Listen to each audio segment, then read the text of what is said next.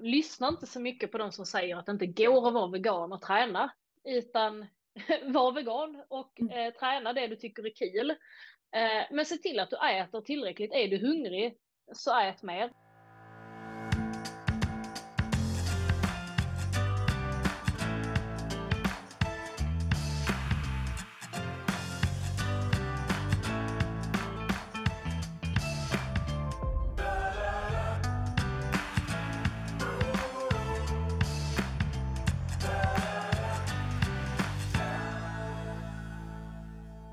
Lyssnar på Djurens Rätts podcast på Djurens Sida. Du har väl inte missat att prenumerera på vår podcast? Då missar du aldrig när ett nytt avsnitt släpps i din poddapp. Det här är Djurens Rätts podd. Och vilka är då Djurens Rätt? Djurens Rätt arbetar globalt för att göra skillnad från djur som är flest och har det sämst. Det har vi gjort sedan 1882. Med våra målinriktade kampanjer, företagssamarbeten och politiska påverkansarbeten är vi en av världens ledande djurrätts och djurskyddsorganisationer med fler än 50 000 medlemmar i Sverige. Vi är helt finansierade av Djurens Rätts medlemmar, så stort tack till dig som är medlem och gör vårt arbete för djuren möjligt. Välkomna till ett nytt avsnitt av På djurens sida.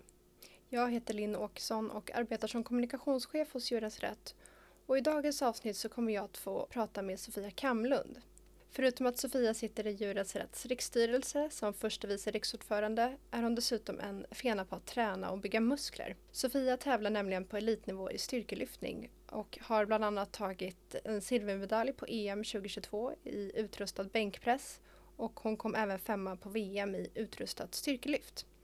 Så i dagens avsnitt så kommer vi att djupdyka i hur det är att träna och tävla på elitnivå på en vegansk kost. Och vi har även fått in en hel del frågor från er lyssnare via sociala medier så de kommer jag självklart också ställa till Sofia. Men innan vi drar igång är det dags för djurrättssvepet.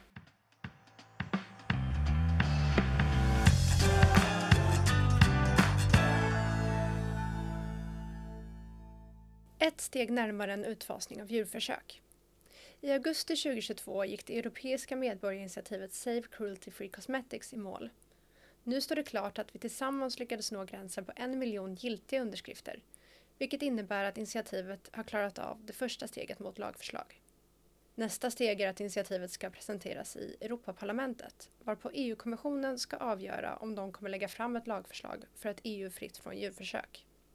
Djurens Rätt har varit drivande i initiativet och kommer att följa processen, så håll koll i våra kanaler för den senaste uppdateringen. Om du var en av de som skrev under vill jag rikta ett stort tack till dig. Ny granskning avslöjar Skansen-Jonas papegojahandel. Skansen-akvariets ägare Jonas Wahlström har blivit ansiktet utåt för svenska djurparker. Trots flera skandaler försvarar han verksamheten genom att hävda att djurparkerna behövs för att bevara sällsynta djur. Samtidigt har han utnyttjat sin position som djurparksägare för att bedriva privat handel med utrotningshotade djur. Bland annat papegojor som han fött upp i sitt hem och sedan sålt vidare. Det visar en ny granskning som Dagens Nyheter har gjort. Djurens Rätt anser att djur varken ska användas för underhållning, som de görs på djurparker, eller som avelsobjekt för ekonomisk vinning. Ett stort kliv mot ett pälsfritt Europa har tagits. Medborgarinitiativet Fur Free Europe har nått över 1,4 miljoner namn för ett pälsfritt Europa, vilket innebär att vi med största sannolikhet kommer att gå i mål med en miljon godkända underskrifter. Det här är ett stort steg mot ett förbud av pälsdjursfarmning och försäljning av pälsprodukter i hela Europa. När initiativet har gått i mål är EU-kommissionen skyldig att svara och agera. Men ännu finns det möjlighet att skriva under. Kan vi kanske göra det här till det största medborgarinitiativet i EUs historia? Har du inte skrivit under ännu så gör det på www.djurensratt.se free. Och har du redan skrivit under, be en eller flera personer i din närhet att skriva under. För ett pälsfritt Europa.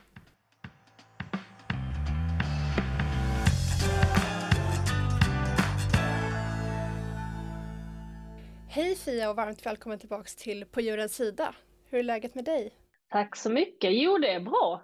Det är fint väder här nere i Skåne så att man blir lite positiv. Ja, vad härligt. Ja, men det är bra att du säger det. Vi sitter ju på olika håll här. Du befinner dig i Helsingborg, va? Ja, det stämmer. Ja, ja. ja men härligt. Det är, I Stockholm idag så har det har kommit lite snö, så det är lite snö på backen nu, nu så här i början på februari. Det är mysigt. Men jag tänker att vi börjar med att du berättar lite mer om dig själv så att lyssnarna får koll på vem du är och lite så här, hur, hur började din resa inom djurens rätt? Mm. Eh, jag heter då Sofia Kamlum, kallas Fia av de allra flesta. Jag är 32 år och kommer från Helsingborg. Eh, och det började med att jag blev medlem för många år sedan, jag tror att det var 2009, på en eh, Helsingborgsfestival. När, det var väl en av de första sådana här sommarturnéerna som Djurens Rätt hade. Och i det tältet för Djurens Rätt så stod där en eh, person som jag kände från skolan. Vi hade läst tyska ihop. Och eh, hon varvade mig och sen eh, några år senare så såg jag i tidningen att hon eh, skulle bli aktiv eh, i liksom, den lokala eh, gruppen i Helsingborg. Så då skrev jag till henne på Facebook och det här låter som att det är hundra år sedan, men eh, det var ju i början eh, av Facebook. Eh, så att man skrev ju inte privat meddelande, utan jag kommer ihåg att jag skrev på hennes eh, liksom, vägg där att jag så hej hej, kommer du ihåg mig och så. Eh, och då visade det sig att de, eh, där fanns fler platser kvar till styrelsen till årsmötet, så hon frågade mig om jag ville vara med i styrelsen för då Djurens Rätt Helsingborg Höganäs. Och den personen som jag pratar om nu är faktiskt Camilla Bergvall som är förbundsordförande eller riksordförande mm. i eh, Djurens Rätt nu. Så det var hon som varvade mig och det var hon som eh, så att säga gjorde så att jag blev aktiv. Eh, och så var jag sekreterare ett par år där i Djurens Rätt Helsingborg. Och sen så blev jag ordförande och eh, sen var det samma Camilla Bergvall som tyckte att jag skulle kandidera till det vi då kallade förbundsstyrelse, men som vi nu kallar riksstyrelse. Så det är den korta vägen. Ja men spännande, roligt att det var Camilla som fick in dig på, fast, inom djurens rätt. Men eh, under alla de här åren då, är det liksom någon fråga som du brinner lite extra för kopplat till djurrätt? Alltså det jag har alltid har brunnit för det är, eh, djurförsöksfrågan. Eh, och det är ju för att jag också har forskat utan djurförsök. Eller det var ju liksom en del, nästan en del i min aktivism som jag gjorde eh, när jag liksom pluggade. Eh, men sen eh, så är det ju också så i och med att jag eh, har tränat nu i, i, i ganska många år eh, och tycker att eh, rätt ska vara rätt så blir det liksom vegofrågan framför allt utifrån att man kan faktiskt äta veganskt eh, och fortfarande få i sig allt som man behöver. Eh, så det har ju varit liksom en, en de två frågorna har varit min, mina stora frågor. Just det. Ja, men du nämner det här att du äter veganskt. Hur, hur kommer det sig att du, eller liksom, när hände det? Jag blev först det man brukar kalla lakto-vegetarian när jag slutade åttan. Um, och några år tidigare så eh, förstod jag vad det var vi åt. Alltså när, när jag var kanske, ja, det var, jag var ganska ung, fem, sex år kanske, så förstod jag att vänta nu här, vi äter, alltså det heter kyckling för att vi äter kyckling. Och det, den kopplingen, jag vet inte när man brukar göra den, men, men den kopplingen hade inte jag gjort förrän då. Eh, och då ville inte jag eh, fortsätta äta kött. Eh, men min mamma kände sig väldigt osäker på vad skulle hon ge mig istället. Eh, och nu, nu är vi ju liksom på eh, mitten av 90-talet. Så jag fortsatte att äta så, så att säga vanlig blandkost ett tag till tills jag slitade åttan och då sa jag att nu får det räcka. Så blev jag lakto-ovo-vegetarian och sen så var det ju i samband med att jag sen träffade Camilla och hon gav mig några av de här rapporterna som Djurens Rätt hade släppt då som handlade om mjölkindustrin. Eh, som jag förstod kopplingen att vänta nu här, mjölk är ju etiskt eh, lika illa tycker jag som kött. så då får jag ju faktiskt lita med både det och ägg också. Mm. Så det var liksom ett, ett uppvaknande för steg för steg när jag förstod att vänta nu här, vad är, vad är det vi faktiskt utsätter djuren för? Mm. Ja, men det känns som att det också är väldigt så vanligt att man först eh, kanske börjar med att sluta med kött och så tar det en liten stund innan man liksom inser att ja, mjölkindustrin är också väldigt skev. Liksom. Och man har kanske sett gårdar med frigående hönor, för vi köpte ju ofta mm. på, en, på en gård utanför Helsingborg, där såg man ju hönorna och, och man såg äggen och, och, har man den bilden så kanske man inte heller förstår liksom industrikonceptet av ägg till exempel. Nej. Som man ju sen då, som jag sen då förstod. Mm. Men har du också vuxit upp med djur omkring dig? Eh, ja, som liten så hade jag kanin eh, mm. och sen så har jag haft häst eh, och eh, hund och nu har jag ju allt möjligt. kanin, eh, katt och hund. Så att eh, de har ju funnits. Jag började, jag började rida när jag var sex år. Och då är det klart att då har du ju stallet och alla djur som finns i stallet runt dig hela tiden. Och, mm. och jag har ju alltid tyckt att liksom vad, vad är det för skillnad i värde i deras liv mot vårt? Mm. Um, och det, det, det, var, det är ju det som är grunden liksom, till att jag känner att man kan inte äta dem då. Nej. Eh, ja men fint och eh, anledningen till att du är här idag då eh, det är att vi ska djupdyka lite i ditt eh, intresse som du har när det kommer till träning då. Att du tränar och tävlar i styrkelyftning. Mm. Ja. Hur kom, kom du in på det? det började med att jag faktiskt flyttade till Lund. Eh, och då, innan dess så gick jag på lite spinningpass och så för att jag tyckte det var kul. Men när jag flyttade till Lund Eh, så hittade jag till gymmet som en eh, fritidssysselsättning. Eh, och då hittade jag därifrån till Crossfit. Men, och detta var när Crossfit var ganska nytt i Sverige, runt 2010, 9 där. Och då då, då, tyckte jag det var liksom roligt, men jag var i ärlighetens namn ganska dålig på gymnastiken framför allt. Det jag var bra på var att springa och att göra dem lite, vad ska man säga, tekniskt något enklare lyften, alltså typ knäböj och marklyft var det jag framförallt gjorde. Mm. Och då fick jag veta att eh, det finns en sport som heter styrkelyft, som ju är knäböj, bänkpress, marklyft. Och jag mm. bara, mm, det var ju intressant. Mm. eh, och då skiftade jag över eh, under 2014 eh, till, så, så sen dess så är det det enda jag tränar så att säga. Mm, Okej, okay. och du nämnde det att det var 2010 du liksom kom in lite på crossfiten men har du alltid tränat mycket liksom innan dess också eller hur, hur har det sett ut? Nej, det var faktiskt helt nytt att träna på gym då. Eh, mm. Jag hade ju jag hade ju ridit då från jag var mm. sex år och sen någonstans på högstadiet så eh, hade jag, eller från då och ett par år framåt så hade jag häst, alltså e egna hästar. Eh, och det var liksom min träning att eh, cykla till stallet, rida och göra alla stallsysslor så att säga. Eh, och sen eh, cykla hem igen. Och det i sig är ju en bra, det var ju därför jag var bra på konditionsdelen av crossfit, för att jag hade ju ägnat mig åt väldigt mycket eh, konditionsträning utan att tänka på det. Just det. Var du vegan då när du började liksom lyfta? Eller är det, kom det efterhand? Jag var vegan när jag började med styrkelyft, men jag var mm. inte vegan eh, precis där, när, exakt när jag började träna. Eh, så det var ungefär i samband med att jag blev vegan.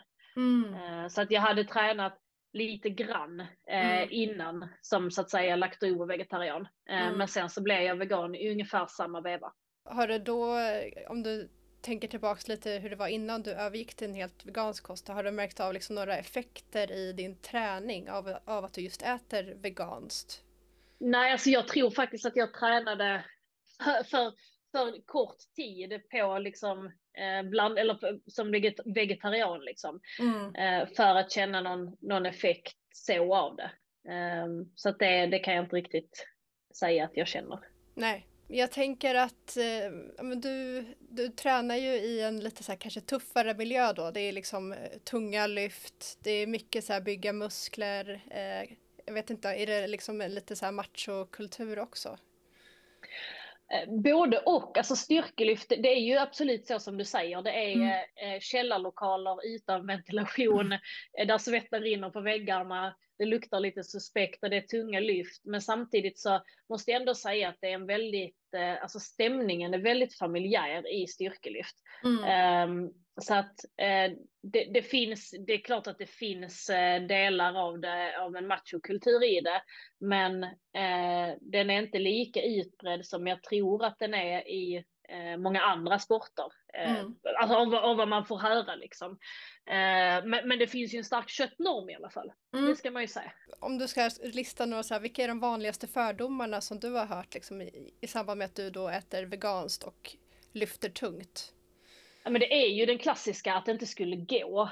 Eh, det, är ju, det finns ju fortfarande en tro att eh, vissa tror ju att det inte finns protein i, i liksom växtbaserad kost eh, och sen framförallt att det skulle vara väldigt mycket mindre eller väldigt mycket sämre som skulle göra att det liksom inte går att bli stark.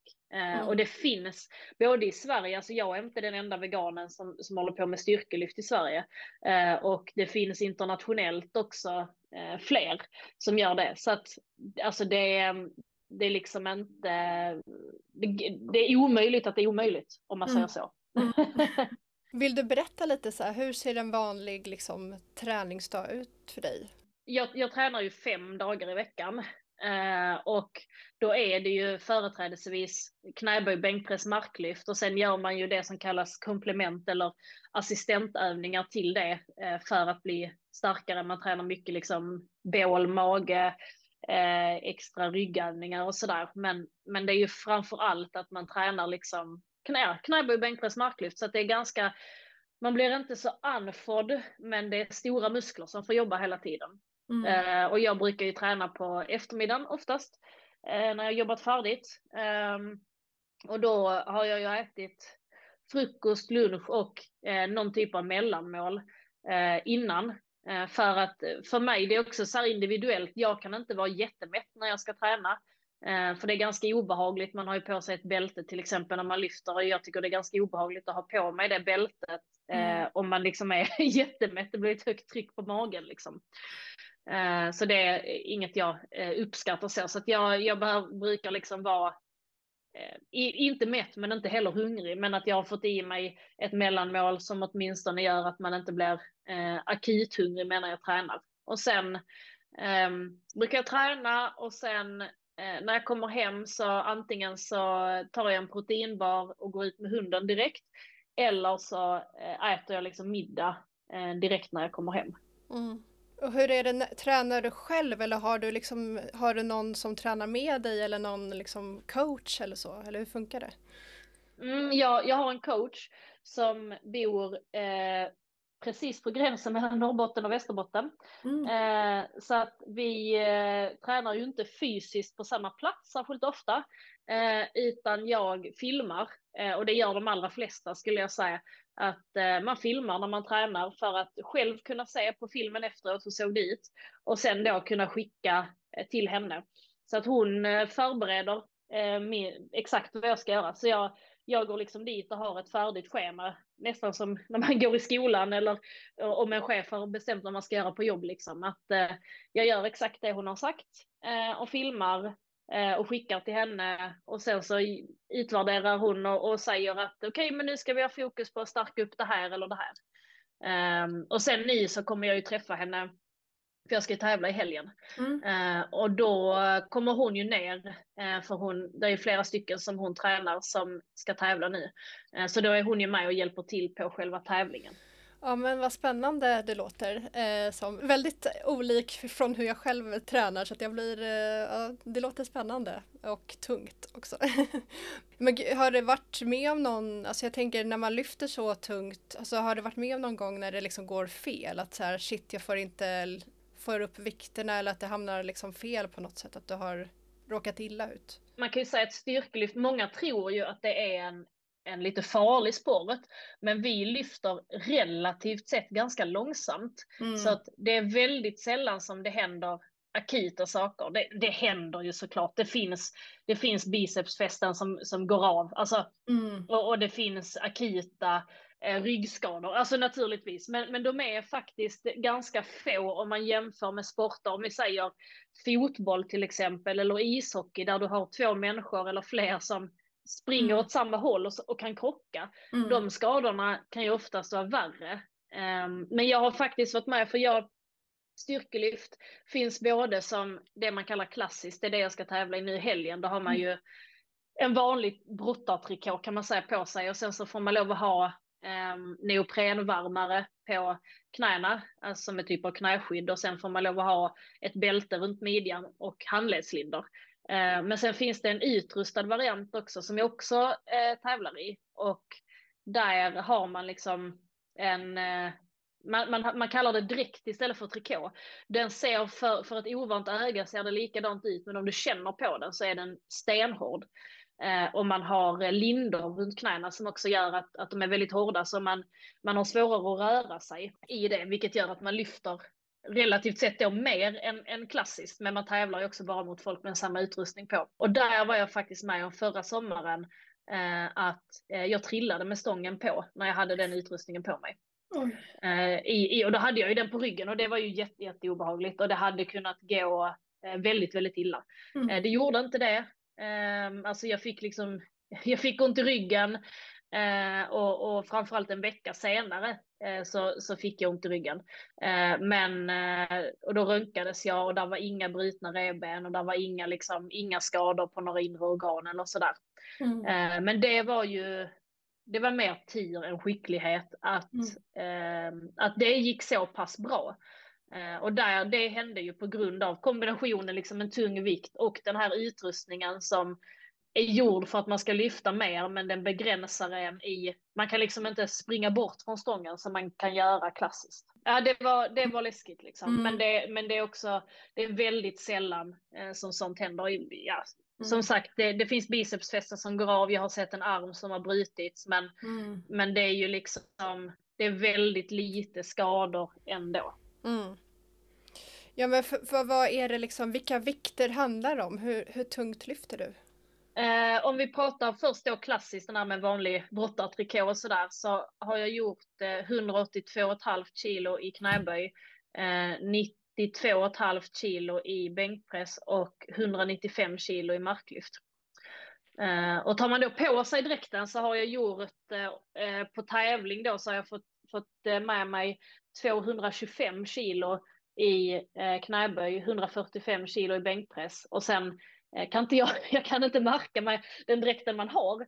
Så där är det de där 195 kilo i marklyften. Mm. Så det är ganska mycket vikt i, i relation liksom till en, till en människokropp, mm. oavsett om det är klassiskt eller utrustat. Så att, eh, man får ju ha lite koll på vad man gör. Eh, och hur mycket liksom, utvecklas du liksom mycket fortfarande att du kan lyfta tyngre och tyngre eller är det, håller du dig ungefär på samma, samma vikt? Alltså nu har jag ju hållit på sedan sen 2014 och eh, är ju också 32. Jag är ju inte gammal, men man ska ändå veta att det finns en skillnad om man liksom är 32 eller om man är 15. Tyvärr för mig då. men, men jag ökar liksom eh, kontinuerligt. Det är bara det att eh, ökningarna ni är ju eh, mindre än liksom när man är yngre. Alltså när man är yngre kan man öka 5-10 kilo mellan två tävlingar. Ni kanske man ökar 2,5 eller 5 kilo i någon gren men inte i någon annan. Och sen beror det också på, jag tävlade ju på VM i, i november Eh, vilket betyder att jag är inte i toppform. Eh, eller så, jag, jag hade gärna velat vara i lite bättre form till SM nu, mm. men man kan liksom inte vara i form till alla tävlingar och då kan det vara så att man gör ett resultat som är lika mycket, alltså jag kanske knäböjer ungefär lika mycket som jag gjort innan. Just eftersom jag inte kan, ha kan vara i absolut toppform att göra mer eh, för att jag var på VM eh, i november som, som hade liksom, så satte sin, sin press på kroppen. Det där är också, formen spelar ju också roll. Alltså mm, vilken vikt kan jag göra fem repetitioner på? Det kan man ju öka, eh, men för att, för att liksom sen få ut det på tävling, då måste du ju eh, också få en bra formtoppning till exempel. För du tävlar ju bara i en repetition. Liksom. Det. Så det är jättemycket som spelar in i hur, alltså, det, det, det som pappret säger från en tävling stämmer inte alltid med eh, ens liksom faktiska utveckling och ibland så kan det ta ett år och sen helt plötsligt så ökar man jättemycket för att det liksom har eh, legat, liksom legat och lurat lite.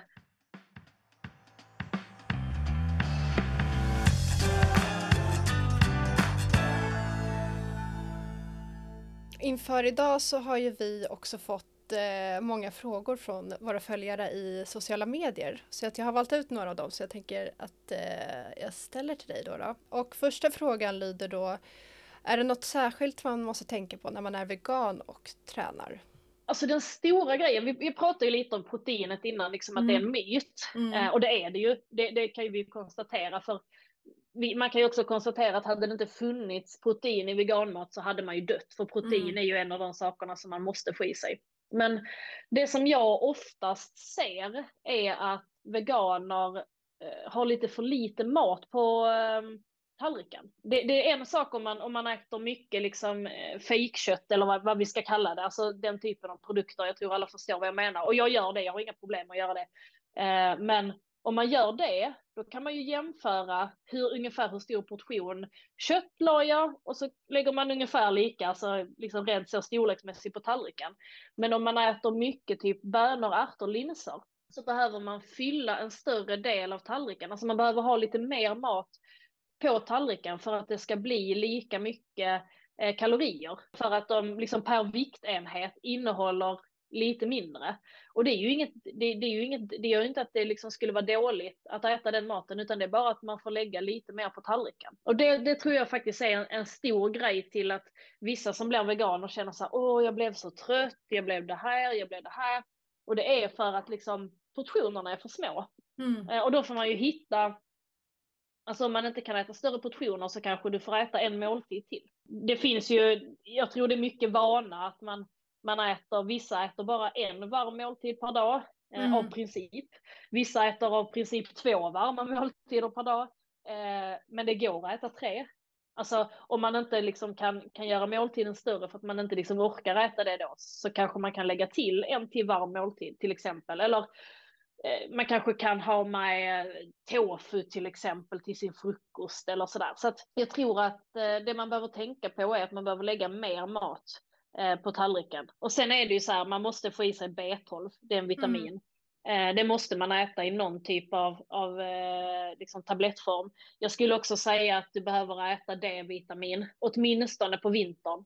För att de är, alltså vi, vi får för lite sol eh, ute i, alltså i, i Sverige. Så att D-vitamin och B12. Mm. Sen är det ju för alla människor är det så här att om man äter väldigt, väldigt ensidigt, man äter exakt samma sak alltid, då kan man ju få brister på grund av det. Men det mm. spelar ju ingen roll om du äter kyckling och ris varje dag eller Nej. om det är liksom eh, linser och ris eller någonting sånt, utan eh, äter man väldigt ensidigt så behöver man också eh, kanske kolla ta ett blodprov och kolla att det inte finns eh, någon brist liksom. Eh, mm. men, det, men, det, men det gäller alla som äter ensidigt. Så större mängd mat helt enkelt på tallriken. Eh, skulle du säga, vi var ju lite inne på det tidigare där, att du hade ju nästan övergått till en vegansk kost när du började liksom, ja, när du började med styrkelyft i alla fall. Eh, men upplever du eller tror du liksom att eh, din träning påverkas på något sätt av att du äter just vego?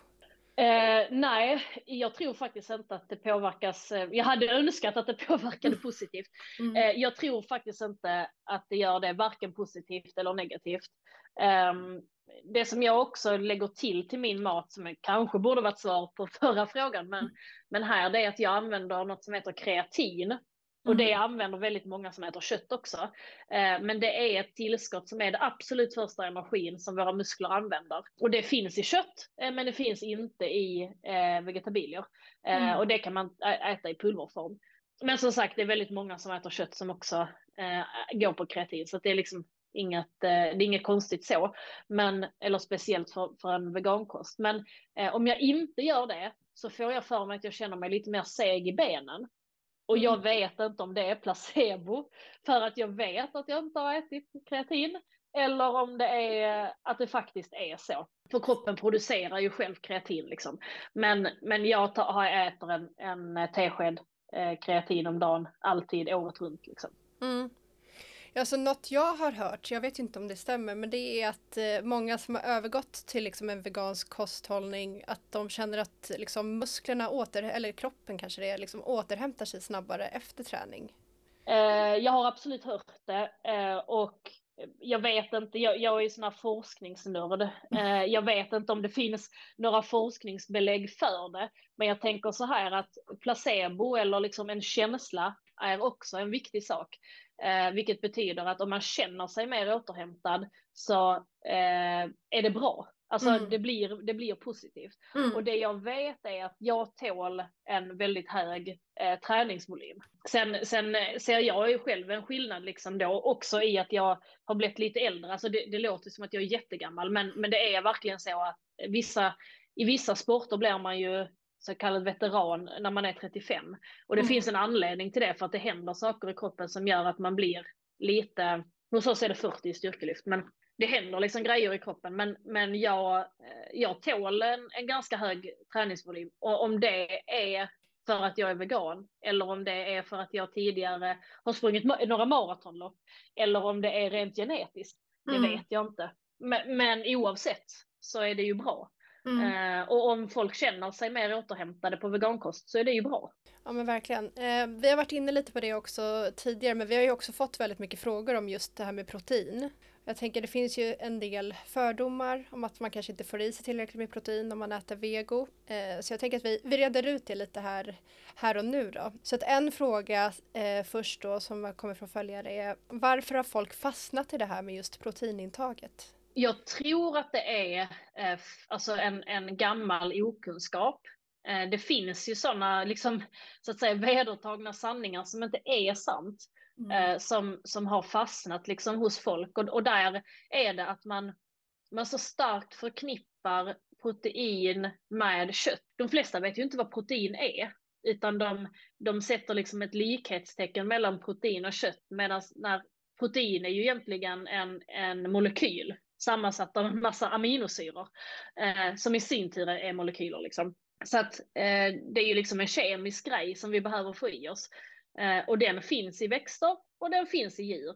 Det man kan säga är att, att eh, den finns i lite högre grad i kött. Eh, och det är liksom inget, det tycker inte jag är så konstigt, det, det gör den. Eh, och den finns, den, det är lite lättare att ta upp proteinet från kött.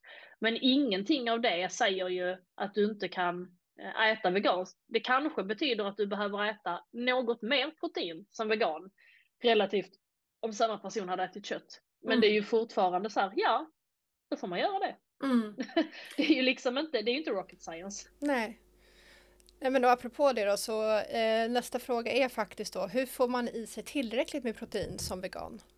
Men och det är framförallt det jag sa innan, att, att man tänker, för om, om man äter mycket liksom, vad ska man säga, rena bönor, ärtor, linser, så behöver volymen på eh, tallriken vara större än om du tänker dig motsvarande en biff. Mm. Så att om man gör, och det gäller ju samma sak om du gör linsbiffar eller så, så behöver du äta volymmässigt mer än om du hade ätit en köttbiff. Eh, och om du däremot äter fake, alltså de, de så här marken, mm. eh, umf, mm. anamma, whatever du äter. Mm. Eh, de, de är ju lite mer likvärdiga kött i sitt närings, eh, näringsinnehåll, vilket då betyder att då kan ju volymen vara ungefär samma. Mm. Men annars handlar det om egentligen samma sak som för alla, att du ska se till att det finns en proteinkälla vid varje mål. Eh, och du ska se till att du äter tillräckligt mycket. Eh, och du ska äta varierat. Alltså kan, kan du äta liksom ärtor som, som bas någon dag och sen äter du soja som bas någon, någon dag och sen äter du linser och sen äter du, att man, eller, eller under dagen att man växlar liksom och varierar och att man äter ris, att man äter potatis och pasta. För det finns ju aminosyror i dem också mm. Eh, som kompletterar. Det handlar liksom om, sen, sen är ju jag lite nördig så att jag räknar ju på min mat. Mm ungefär en gång per år. Men det är ju ingenting som jag tycker att någon som, någon som tränar så att man, så här, på fritiden, så här, mm. fritidstränar bara, ska ju inte hålla på med det, för det, det kan jag tycka skulle kunna trigga liksom andra beteenden som inte är bra. Men är man elitidrottare så behöver man ju ha koll på eh, vad man äter och, och liksom kanske ha lite mer eh, liksom, sifferkoll på det. Vi har också fått en fråga här då eh, som också går ihop med det här med protein då. Vilket är det bästa vegoproteinet enligt dig? Oj, det är ju, det beror på liksom eh, hur, hur, man, hur man är som person, tänker jag. Mm. Eh, jag tycker inte om att laga mat. Eh, vilket betyder att jag äter ganska mycket färdigprodukter, alltså ja, umfanamma, vad de nu heter, liksom olika märken, för att de är lätta att laga. Och för mig är det liksom viktigt att de ska vara lätta att laga. Eh, sen som proteinpulver, för det äter jag också, och det ska man också, så kan folk vara, oh nej, jo, behöver man äta det? Nej, det måste du inte. Eh, jättemånga som äter kött äter också proteinpulver, så det är mm. inget eh, konstigt med det. Alltså det är ingenting som är unikt för att man är vegan. Liksom. Eh, och då äter jag nästan alltid sojabaserat eh, för att det är det som jag tycker smakar godast när man blandar det med vatten, vilket är det jag gör. Och det är ju bara en ren, en ren eh, smaksak liksom. Så att det, det är väl liksom det, det tråkiga svaret är att jag inte tycker att det är jättekul att laga mat. Nej. Men apropå det här då med proteinpulver så har vi också fått en eh, fråga om eh, vilket är det bästa liksom, veganska proteinpulvret enligt dig? Alltså som sagt, jag tycker att det som smakar godast är eh, det som är sojabaserat. Mm. Och då finns det ju jättemycket, det känns som att jag är med i Sveriges Radio nu som vägrar säga marken. Men ja, jag tycker choklad är gott. Mm. Eh, de brukar vara smaksatta. Eh, och jag tycker sojan smakar godast. Så jag brukar använda Tyngres, mm. vegan, nytt märke. Jag brukar använda deras. Jag vet att MM Sports har vissa som, där är jättemånga som tycker är jättegoda. Mm. Eh, och då, alltså, det är, ju, det, är ju, det är ju jättemycket en smaksak. Mm. För att eh, till exempel proteinpulver kan ju smaka lite artificiellt, det gör det ju, för det är ju inte riktigt, det är ju inte chokladkaka Nej. man äter, även om den heter det. Eh, och då, är det, där är ju jätteolika, vissa tycker liksom att det, där, det där smakar supersött liksom, medan jag tycker att det är jättegott. Men det man kan säga är väl också, eh, nu äter inte jag proteinpulver idag, men vad jag har förstått det som så har ju liksom utbudet på veganskt protein, alltså att det är så lättillgängligt idag. Alltså för några år sedan kanske det var det bara något märke som sålde veganskt proteinpulver, att det finns nästan i alla märken idag. Ja, alltså när jag började träna Eh, och, och då var det just det här att jag kunde inte äta större portioner. Jag, det fick liksom inte plats i magen. Liksom. Mm. Eh, och då tyckte jag att då, då, är ju proteinpulver en bra grej för att ändå få i sig lite, lite mer och så blandade jag det i en smoothie eller sådär. Eh, men då fick man ju typ beställa från USA. Mm, eller så, alltså, det, var, det var ju helt bisarrt och de kostade 500 kronor för liksom eh, vad är det, ett halvt kilo eller något sånt. Mm. Eh, plus då att man var tvungen att betala frakt och sånt. Alltså, mm. Så det var, ju, det var ju helt galet liksom. Men mm. nu finns det ju, alltså i alla stora eh, märken har ju. Så där är det väl egentligen så här, om man aldrig har smakat ett proteinpulver så skulle jag väl säga att försök att se om det finns eh, sådana så att du kan provsmaka. För det är jättemycket tycke och smak vad man tycker är gott Ja men eh, bra, då får man helt enkelt eh, ja, testa sig fram kanske. Vad gillar man själv? Vilka smak? Mm. En annan fråga då, vår sista liksom proteinfråga, är, det här tänker jag också är en sån lite fördom mot vegansk mat. Eh, blir det dyrare i längden om man ska få i sig allt protein på veganskt håll? Eh, nej, det måste det ju inte bli. Det beror ju på hur man väljer att äta ja, vi pratar ibland eh, på träningsklubben liksom ungefär hur mycket man lägger i månaden på mat. Mm. Eh, så.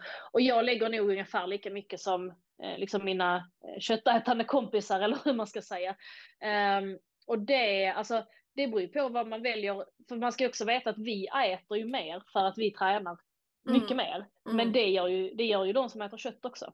Mm. Så att det är säkert så att vi ligger, eller det är så att vi ligger över vad liksom, hur, jag på att säga en vanlig människa, men mm. om man inte är elitidrottare liksom och inte tränar jättemycket, vi kommer ju att lägga mer eh, pengar på mat än eh, än, än någon annan, liksom. så, så är det. Eh, men där är inte jättestor skillnad om du är vegan eller inte, helt beroende på vad du väljer.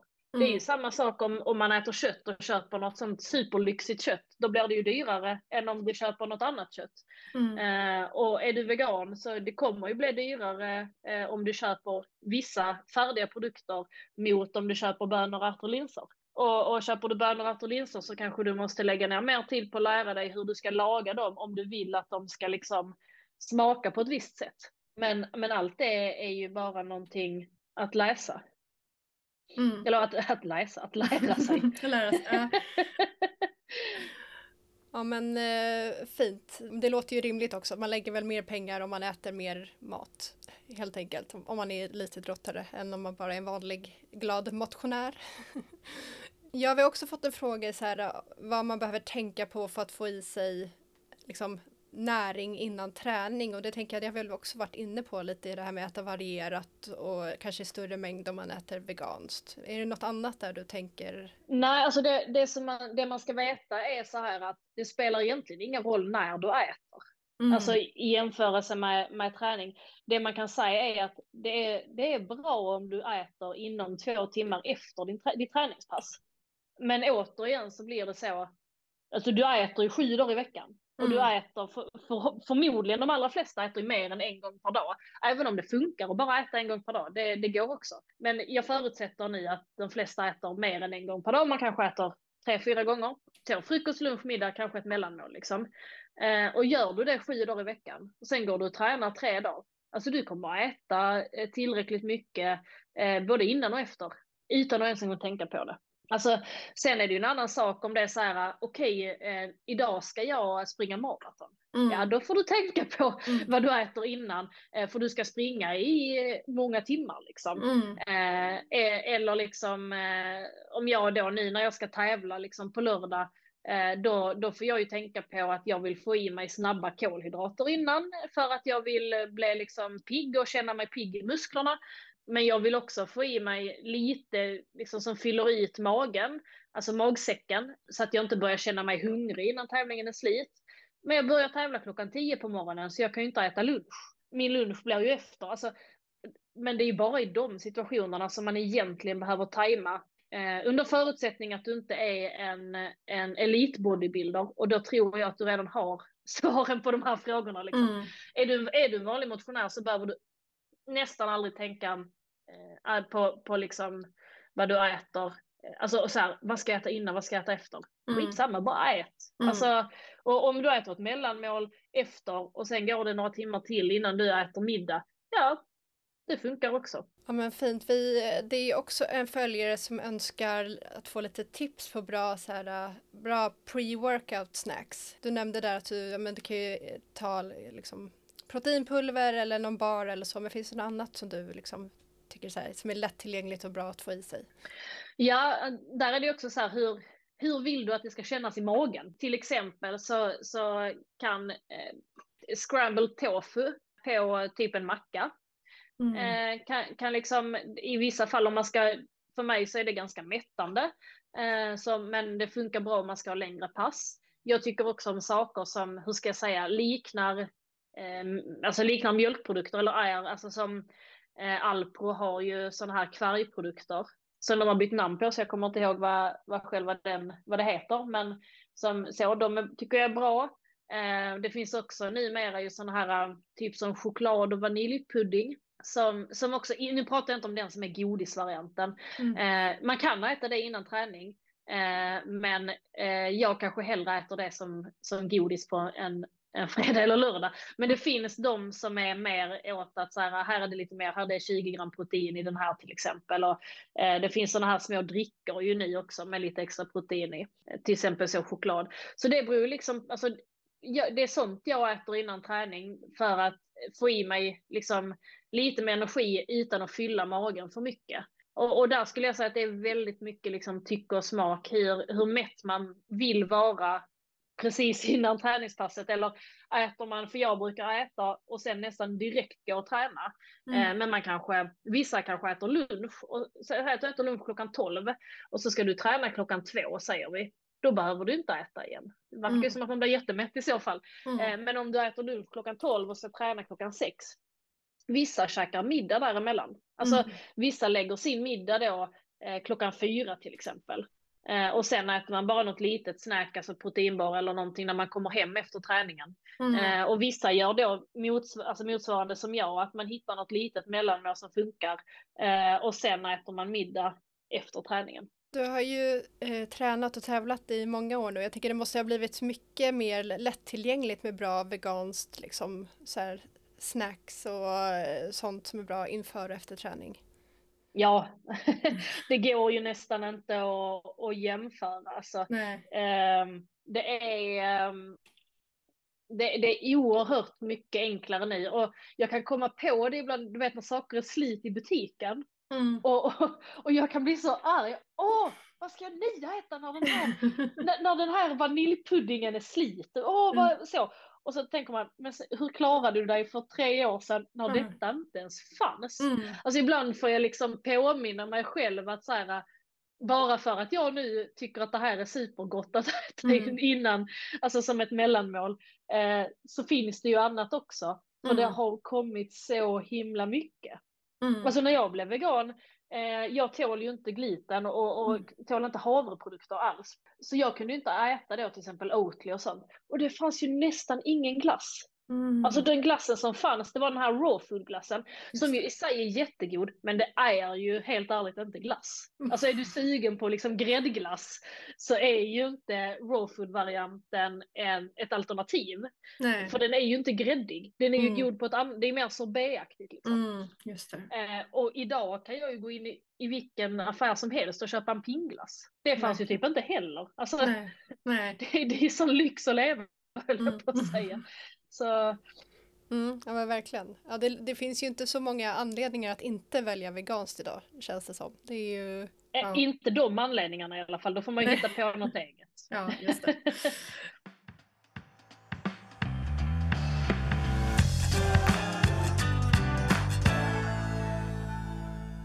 Men fint, det var några av de frågorna som har kommit in från följarna. Eh, och som du har varit inne på då, du ska ju iväg i helgen och tävla i SM. Vill du berätta mer? Mm. Jag kan ju också säga nu att idag är det faktiskt fyra år sedan som, eh, alltså exakt idag då, som HAK Greppet vann eh, lag-SM. Mm. Eh, I det laget som jag var med och det var min första eh, medalj på eh, så att säga SM eller mer. Mm. Så det, det, var lite, det var lite kul att mm, det var just roligt. idag. Ja, kul. Ja. ja. Men, eh, men ja, nu ska jag iväg på SM i då klassiskt styrkelyft eh, i Skövde. Ligger på SM-veckan.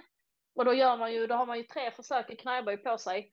Och sen så det som det, det tyngst godkända knäböjen tar man med sig och sen så har man tre försök i bänkpress och så tar man med sig den tyngsta godkända bänken. Och sen är det tre marklyft och så lägger man ihop det. Och den som mm. har lyft mest där totalt sett eh, vinner. Hur ser det, är det oftast liksom samma personer som alltid är med och tävlar som man tävlar emot eller kommer det liksom nytillskott inför varje tävling också? Både och. När jag tittar på startlistan nu så tror jag nog att jag vet vilka alla är i min viktklass, tror mm. jag. Mm. Eh, jag är inte jättebra på namn, men mm. jag tycker ändå att jag känner igen eh, de allra flesta namnen. Eh, men sen är det ju så, det är det som är så kul med styrkelyft, att det är, det är en väldigt öppen spåret. Det är lätt att, att liksom komma in. Man kommer ner till en klubb, man börjar träna och sen får man tävla. Och när man klarar kvalgränsen till SM så får man vara med på SM. Liksom. Eh, så det är väldigt lätt så.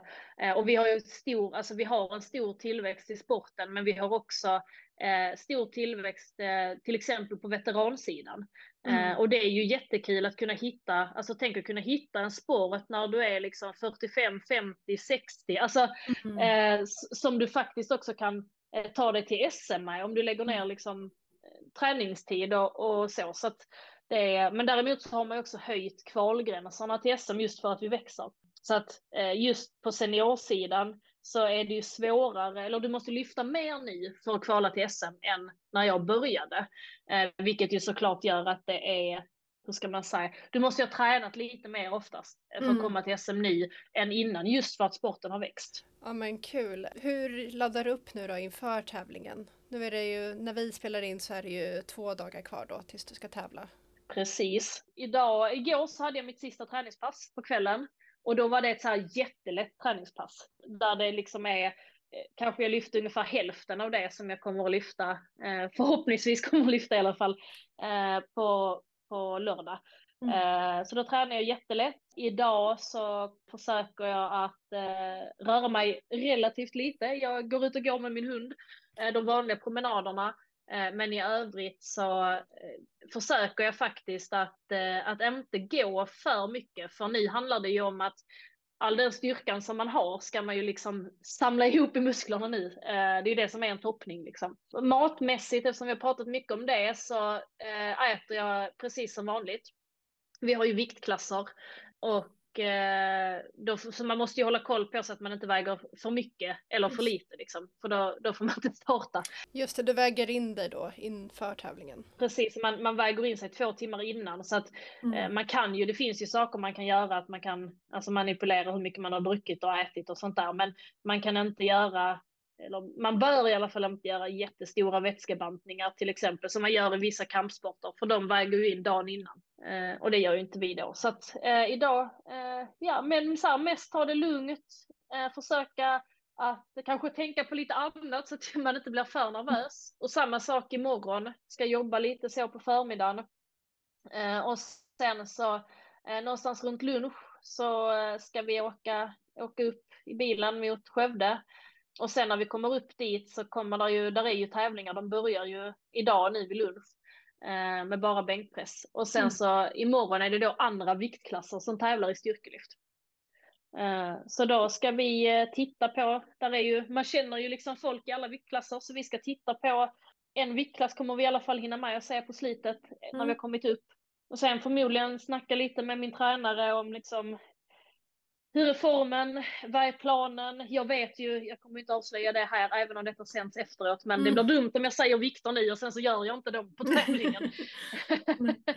men, eh, men jag vet ju vad, vad liksom hennes plan är, men att man pratar lite om det. Sen gäller det att sova tidigt. Det ska man alltid göra om man tränar mycket, men liksom extra viktigt nu att gå och lägga sig eh, och försöka få liksom en bra nattsömn jag sov jättebra i natt. Jag har två nätter kvar där jag kommer vara mer mm. nervös. Så mm. förhoppningsvis kan jag sova bra då också. Typ så.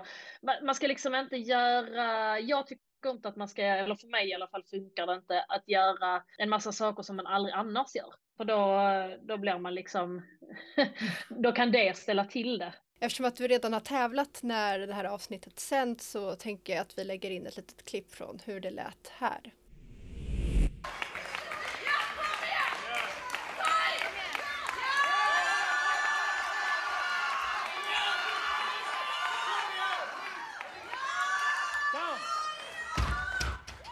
Mm, så här lät det när Fia tog personbästa i marklyft på otroliga 200 kilo under SM. I och med det kammade hon hem en fjärdeplats på SM i klassisk styrkelyft i hennes viktklass. Stort grattis till Fia och heja dig som väljer vego.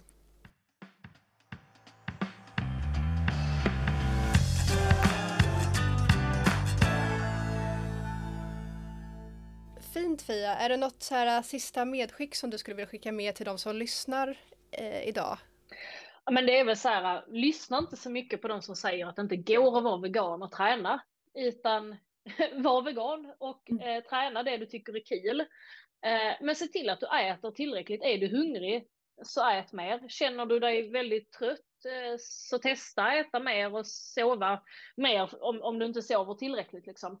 Mm. Eh, och, och, är det någonting som liksom verkar inte stämma så kan man ju också ta, alltså man, kan ju ta blodprov för att se att man inte har en brist, men det gäller ju alla. Att man kan få brist på någonting för, för att man av misstag missar att äta något. Liksom. Men kom mm. ihåg eh, D12 och D-vitamin tycker jag ni ska äta. Ja men jättebra. Eh, ja, men stort tack eh, för att du var med idag och jättelycka till nu i helgen Fia. Tack så mycket, det var jättekul att vara med.